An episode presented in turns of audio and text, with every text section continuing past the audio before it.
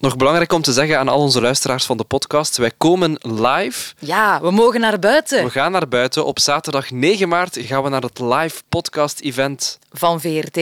En we gaan daar niet alleen zijn, Nee. want we krijgen ook bezoek van een special guest. Eh, Marcel van Tilt komt ons vergezellen, want we gaan het hebben over Beethoven, over de vijfde symfonie van Beethoven. En Marcel van Tilt is blijkbaar een grote fan van Beethoven. We gaan goed overeenkomen, denk ik. Ik denk het ook. Op zaterdag 9 maart. Tot, tot, tot dan.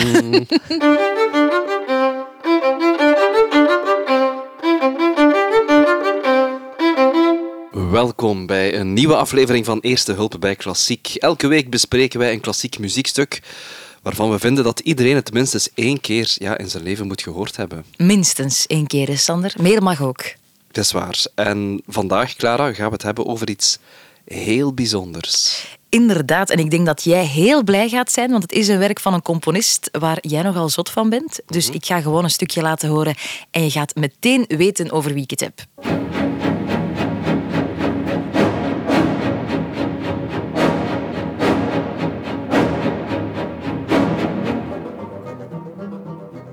Aha, Igor Stravinsky. Ja, Le Sacre du Printemps van Stravinsky, of Le Sacre gaan wij gewoon vandaag zeggen. Daarover gaan we het hebben. Is dat oké voor jou? Meer dan oké, ja.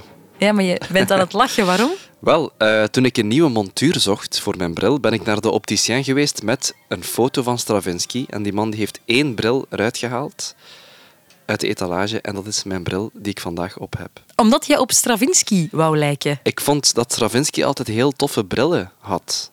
En ik wou een Stravinsky-bril. Voilà. Ik wist niet eens dat Stravinsky een bril had, maar kijk, nu dus wel. Was heel modebewust. Een modebewuste man, oké. Ja, ook goed bevriend met Coco Chanel trouwens. Nee. Ja, zeer modebewuste man, Stravinsky. Zeg, is dat jouw soort muziek? Want je doet er precies mijn plezier mee, wat gelukt is. Maar is Stravinsky jouw...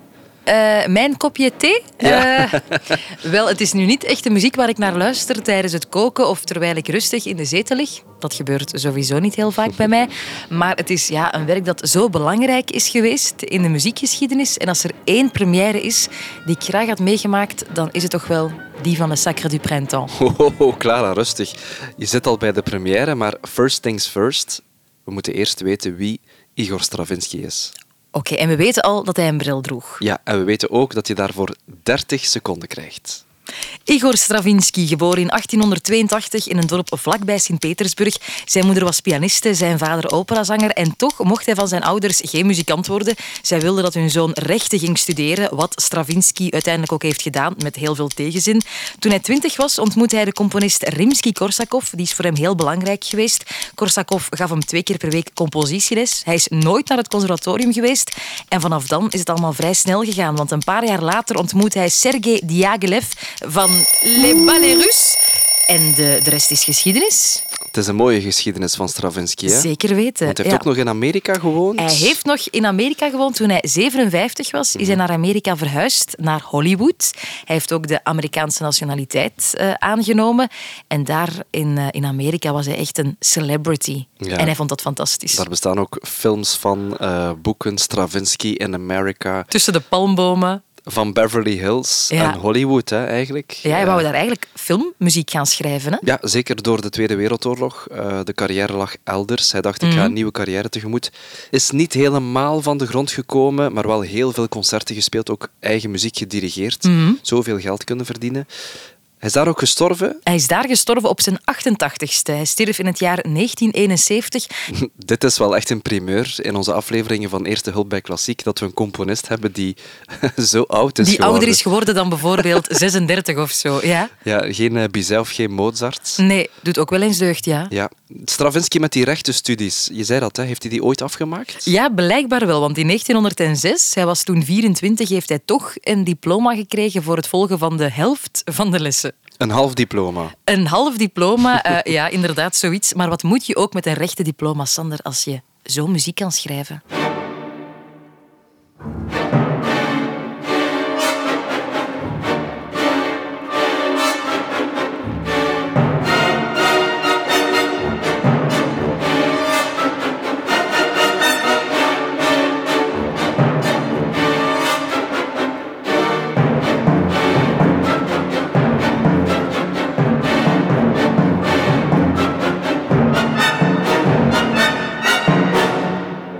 Nog een primeur, Sander, want ik denk van alle muziekstukken die we al besproken hebben, dat dit toch wel een van de meest heftige is. Nee? Heftig is echt wel het woord. Of hoekig? Ja, zeker. Ja, brutaal bijna. Hè? Brutaal, barbaars. Ja. Het, het doet me soms ook denken aan een schilderij van Pablo Picasso. Heel, ja, heel hoekig en heel Het rare... waren ook vrienden, hè? Picasso en Stravinsky. Het lijkt wel alsof een schilderij van Picasso tot leven komt of zo. Nee, maar heftig, dat is het minste wat je kan zeggen. Dat vond ook het publiek tijdens de première. Eh, want die hadden gewoon iets helemaal anders verwacht toen dit ballet begon. Want dat was het, een ballet. Die wisten niet wat hen overkwam. Ja, misschien moeten we dat nog even zeggen, want deze muziek is oorspronkelijk geschreven... Ik kan het mij niet voorstellen. Voor een balletvoorstelling. Hier moest op gedanst worden hè, in 1913. Eh, toen was de première een jaar voor de Eerste Wereldoorlog. En het lijkt wel alsof Stravinsky dat op een bepaalde manier zelfs kon ja, Aanvoelen. aanvoelen. Ja. Zo de onrust die, die in de lucht hing. Dat hoor je ook gewoon in deze muziek. Maar het was dus inderdaad een balletvoorstelling van Les Ballets Russes. Een heel bekend Russisch balletgezelschap van eh, Sergei Diaghilev. Een zeer bekende impresario of manager dat hij had opgericht in Parijs. Parijs was dus de, de thuisbasis van Les Ballets Russes. En eh, Stravinsky had al muziek gecomponeerd voor hen, al voor twee voorstellingen. De Vuurvogel in 1910, een jaar later Petrushka. Het was ook tijdens het componeren van De Vuurvogel dat Stravinsky plots een soort van visioen kreeg. Hij was in Sint-Petersburg bezig aan de laatste pagina's van, van dit werk, L'Oiseau de Feu, toen hij plots moest terugdenken aan zijn eigen kinderherinneringen, aan zijn jeugd en vooral aan de Russische lentes die hij als jongetje had meegemaakt. En hij had dus dat visioen, en dat was een heel concreet beeld van een groep oudere mensen die in een cirkel zaten en die aan het kijken waren naar een jong meisje, een jonge maagd, die zichzelf aan het dooddansen was. Maar Wat? echt letterlijk omdat zij zich offerde opofferde voor een soort van lentegod, om die te behagen, om, om goed weer te krijgen, een goede oogst. En daarvoor moest iemand die was uitverkoren zichzelf de dood indansen. Dat was een soort van lente-ritueel, een lenteoffer. En daarover gaat Le Sacre du Printemps.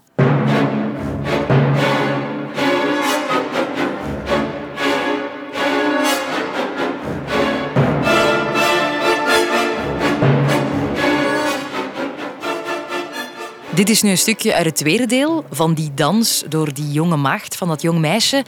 Eh, het werk in totaal, Le Sacre du Printemps, duurt ongeveer een half uur en bestaat uit twee delen. De aanbidding van de aarde en het offer, waar dus deze muziek uitkomt. Maar misschien, eh, Sander, moeten we toch ook heel even naar het begin luisteren, want het begin van Le Sacre, dat is echt legendarisch.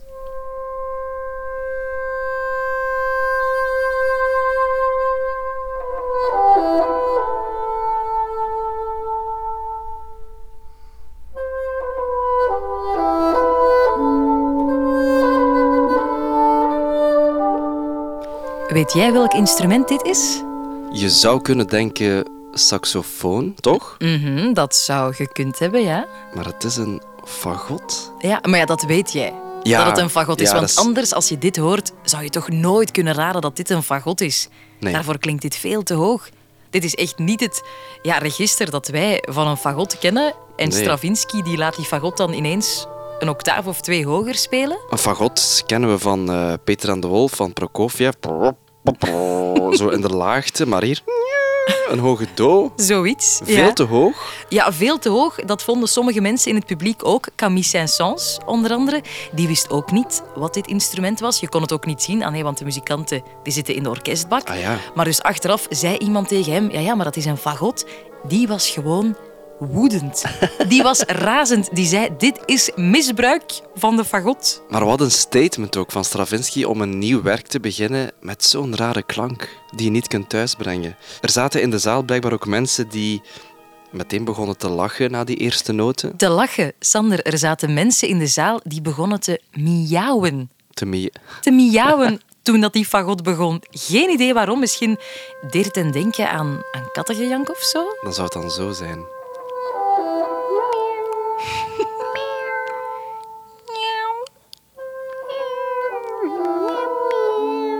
Dat is een krolse kat, hoor.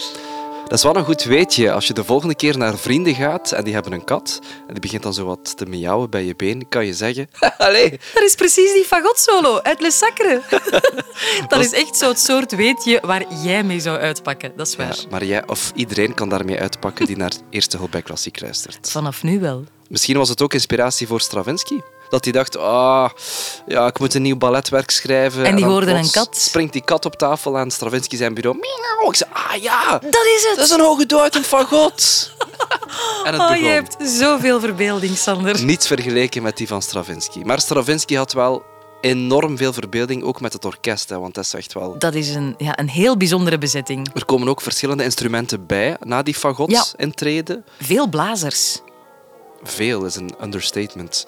Fluiten, vijf fluiten, vijf hobo's, vijf klarinetten, vijf fagotten, acht horens, vijf trompetten, drie trombones. Ga jij nu echt alle instrumenten eh, afgaan? Bijna allemaal. Twee tubas en dan ook heel veel eh, slagwerk.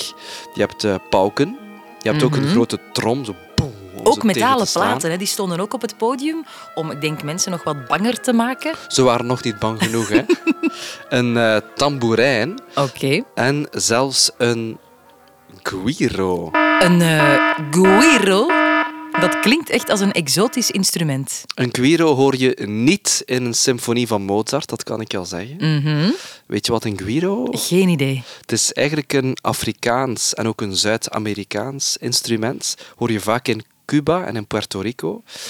En een guiro is een soort van... eh, je kan het in je hand vasthouden. Hè. Het is een soort... Het is vaak uit hout gemaakt. Dat heet een calebas, dus iets wat, wat klanken maakt. En je moet daar met een stokje over gaan. Er zitten zo ribbeltjes in. En je moet daar dan zo... Ah. Dat maakt zo een, een raspend geluid. Ik heb dat ooit gekocht, ik denk zelfs in Cuba, als souvenir voor mijn papa. Zo'n kikkertje waar je over moet glijden met een stokje. En hoe klinkt dat dan, Al, Clara? als een kikker Ja. of als een kat. Ah, maar dat was misschien dan ook een soort van guiro. Ja, je Ja, moet over, over iets glijden met een stokje, Ja, met en ribbels. Stravinsky gebruikt dat dus ook in Le Sacre du Printemps. Het zal niet een krokodilletje zijn. Of een Het zal- kikker. Ja, ja, een kikker. Mario, als je heel goed luistert, dan hoor je het. Zo'n heel raspend geluid op de achtergrond. Nu al. Nee. Nu.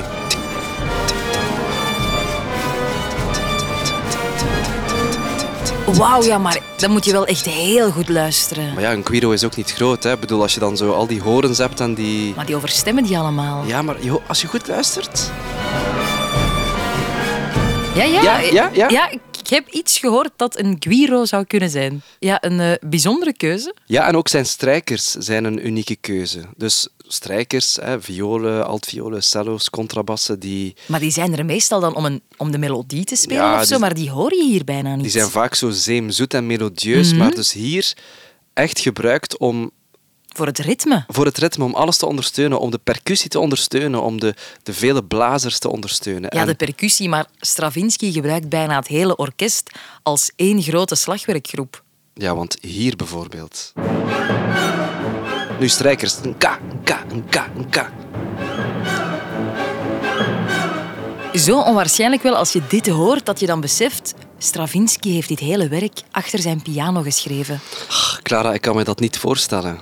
Die staat op, s'morgens. Die Koffietje. Gaat, ja, die gaat aan zijn piano zitten. En wat er dan in die zijn hoofd omgaat, dat hij dit schrijft. Er bestaat ook wel een versie voor twee piano's. Dat was dan voor tijdens de repetities. Want ja, Diaghilev die kon geen heel orkest betalen. Dat er dan weken zou komen zitten voor de repetities. Laat staan om die muzikanten ook aan te moedigen om zoiets va- vaak te moeten spelen. Weken aan een stuk. Nee, nee, dus daarom was er een versie voor twee piano's. En verder heeft Stravinsky in zijn testament laten vastleggen dat er geen andere bewerkingen mogen gemaakt worden van Le Sacre du Printemps. Dat wou wij niet. En blijkbaar componeerde Stravinsky ook op een piano die een beetje vals stond. Echt? Ja, dat, dat gaf hem meer inspiratie. Echt waar. Kijk, nog een goede tip voor jou. Een goede tip, laat nooit jouw piano stemmen als je wil dat je muziek klinkt zoals Igor Stravinsky.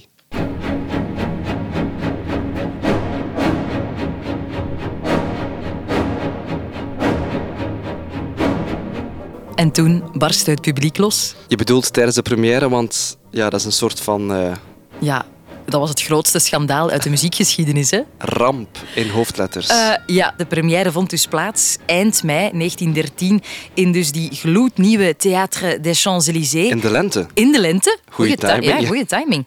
De zaal die zat stampvol en de verwachtingen die lagen torenhoog, want er stonden die avond vier balletten op het programma. Ah, Van Les Ballets Russes. De eerste drie, dat waren mooie, vertrouwde veilige balletten, zullen we zeggen. En op het einde was er dan een nieuw ballet van Stravinsky. En daar keek iedereen heel erg naar uit. Want Stravinsky had dus die twee balletten daarvoor al geschreven.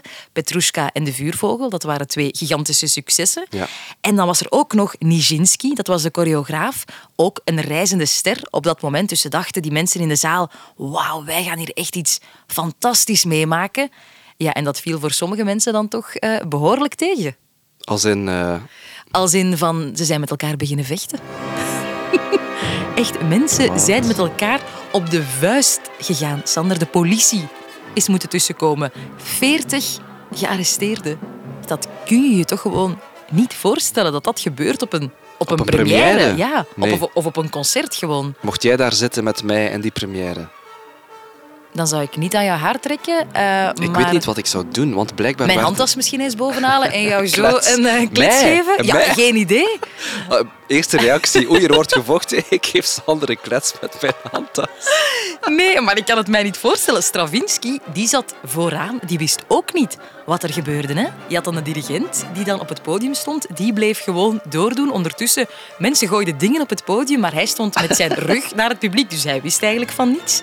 Maar uh, Diaghilev, uh, die was er. Uh, Nijinsky, die wist ook niet van wat gebeurt er hier. Die is naar de coulissen gelopen en die is beginnen roepen naar de dansers. Voortoen, voortoen. Die is beginnen tellen, zodat de dansers ja, wisten waar ze zaten, dat ze de draad niet uh, kwijtraakten. Ook de zaallichten hè, werden aan en, en uitgedaan. uitgedaan. Ja, om het publiek te kalmeren. Kalmeren, ik zou daar net nog ja. zotter van worden. Maar dat was dan terwijl dat ze aan het wachten waren op de politie. Ze hebben echt alles geprobeerd en uiteindelijk is het publiek wel een beetje gekalmeerd. Zo Ah, ja. naar het tweede deel toe is het publiek dan toch uh, gaan zitten. Nee, ik kan me echt niet voorstellen wat, het daar, wat dat daar is geweest. Maar ook voor de dirigent. De dirigent, Sander, is zelfs nadien door een wc-raampje naar buiten moeten kruipen. Omdat hij dacht van, ik overleef dit anders niet. Ik kom hier niet levend vanaf. En was het een groot wc-raampje of een kleine dirigent? ik hoop beide.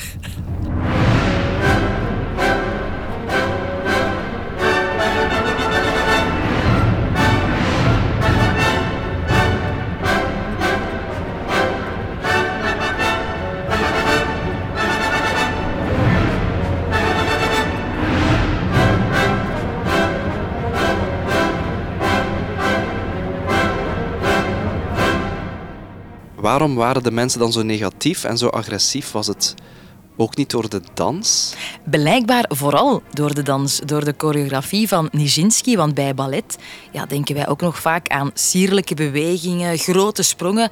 Maar die choreografie van Nijinsky was gewoon het tegenovergestelde. Wilde, hoekige bewegingen, stampvoeten. Het leek in de verste verte niet op het ballet dat ze toen gewend waren. Het publiek vond het allemaal veel te wild en te barbaars. En dan ook nog eens zo'n ja, moord, een heidens ritueel als onderwerp. Ja. Dat vonden ze gewoon te veel. Waren geen tutus à la zwanen meer van Tchaikovsky. Nee, nee, alles behalve. Ook andere kostuums. Het waren ook heel bijzondere Ze kostuums. zagen er een beetje uit zoals boeren, blijkbaar. Ja, het was echt... Het moet zo'n maffe ervaring geweest zijn. Een heel groot contrast met wat ze toen kenden. Ook muzikaal, want Stravinsky begint met iets... Met, Met die een idee, Ah. met die fagot. En later ook dat ritmische, die accenten die zo belangrijk zijn. En eigenlijk weet je nooit wat er op je afkomt. Nee, en daarom word ik er ook wel een beetje, moet ik toegeven, onrustig van. Als ik er naar luister, toch? Ja, want de accenten liggen altijd anders. Zoals hier. 1, 2, 3, 4, 5, 6, 7, 8. 1, 2, 3, 4, 5, 6, 7, 8. 1, 2, 3, 4, 5, 6, 7, 8. 1, 2, 3, 4, 5, 6, 7, 8. Hoe lang heb je daarop geoefend? Ik heb het neergeschreven. Ja, maar jij hebt dus echt acht tellen, maar het Ja. accent ligt altijd anders. Ja, en dat is echt wel de kracht. Bij Le Sacre du Printemps denk ik altijd aan drie dingen. Ritme, ritme en ritme. Echt maar het waar. zijn ook altijd dezelfde akkoorden die je hoort, hè? Ja. Ook, hè, toch? Ja, en die akkoorden, of dat ene speciaal akkoord, heeft eh, Stravinsky ooit voorgesteld aan Sergei Diaghilev, aan die, die, die man die de productie had besteld. Ja. En eh, ja, die moest er toch een beetje aan wennen. En Stravinsky heeft daar zelf ooit over gebabbeld. When I finished composing the Rite of Spring, I played it for Diaghilev. And I started to play this chord, 59 times the same chord. Diaghilev was a little bit surprised. He didn't want to offend me. He asked me only one thing, which was very offending. He asked me, will it last a very long time this way? And I said, till the end, my dear. Dus Diaghilev wou hem niet schofferen. Nee, wou hem niet kwetsen, maar hij stelde één kwetsende vraag. Hoeveel keer ga je dit akkoord spelen? Hij speelde het 59 keer, maar Stravinsky zei tot het einde. My dear. Oh, geniaal.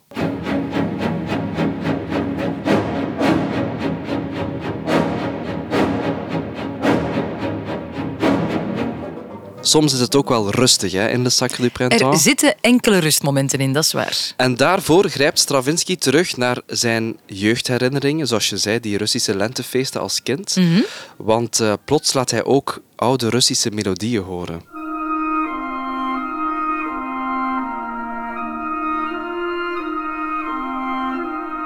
Oeh, even op Oh, adem komen.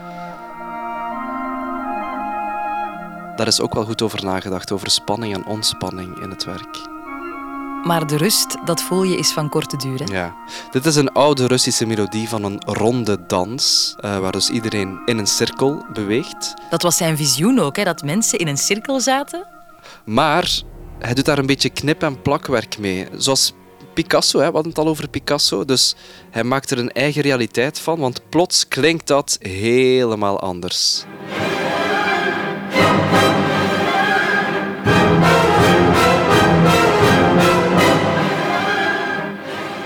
Om dan uiteindelijk terug te komen bij die mooie volksmelodie.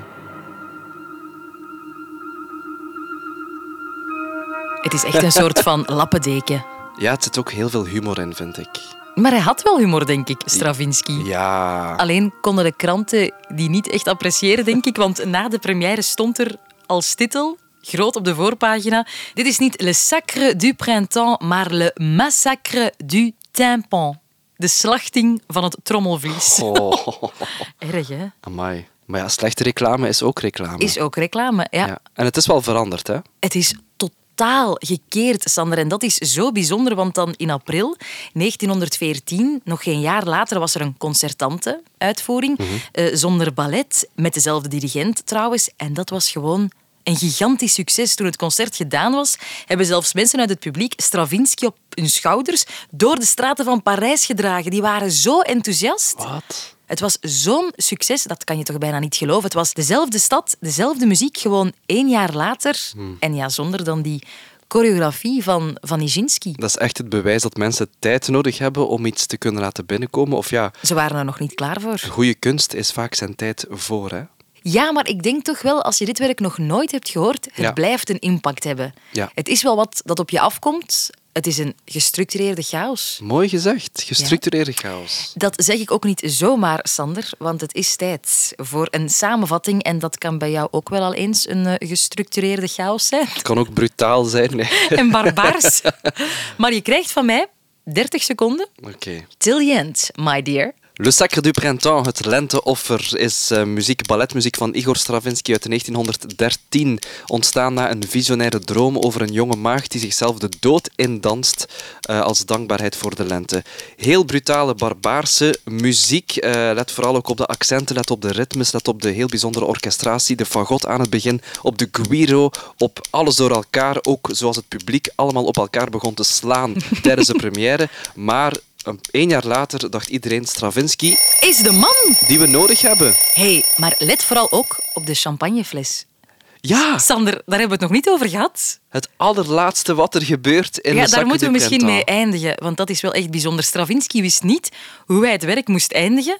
En hij was blijkbaar op een feestje aan het dansen. En ineens wordt daar een champagnefles ontkurkt. En die zegt, hey, dat heb ik nodig. Oké, dat is voor zo meteen. Wat is de beste uitvoering? Als ik mag kiezen, dan ga ik voor het eh, orkest L'Orchestre de Paris, onder leiding van een fantastische jonge dirigent Klaus Mekele. Oké, volgende week gaan we naar de jaren 1700 Is dat zo? met een one-hit wonder. Oké. Dat is voor volgende week, maar dus nu eerst de... Champagne! Santé.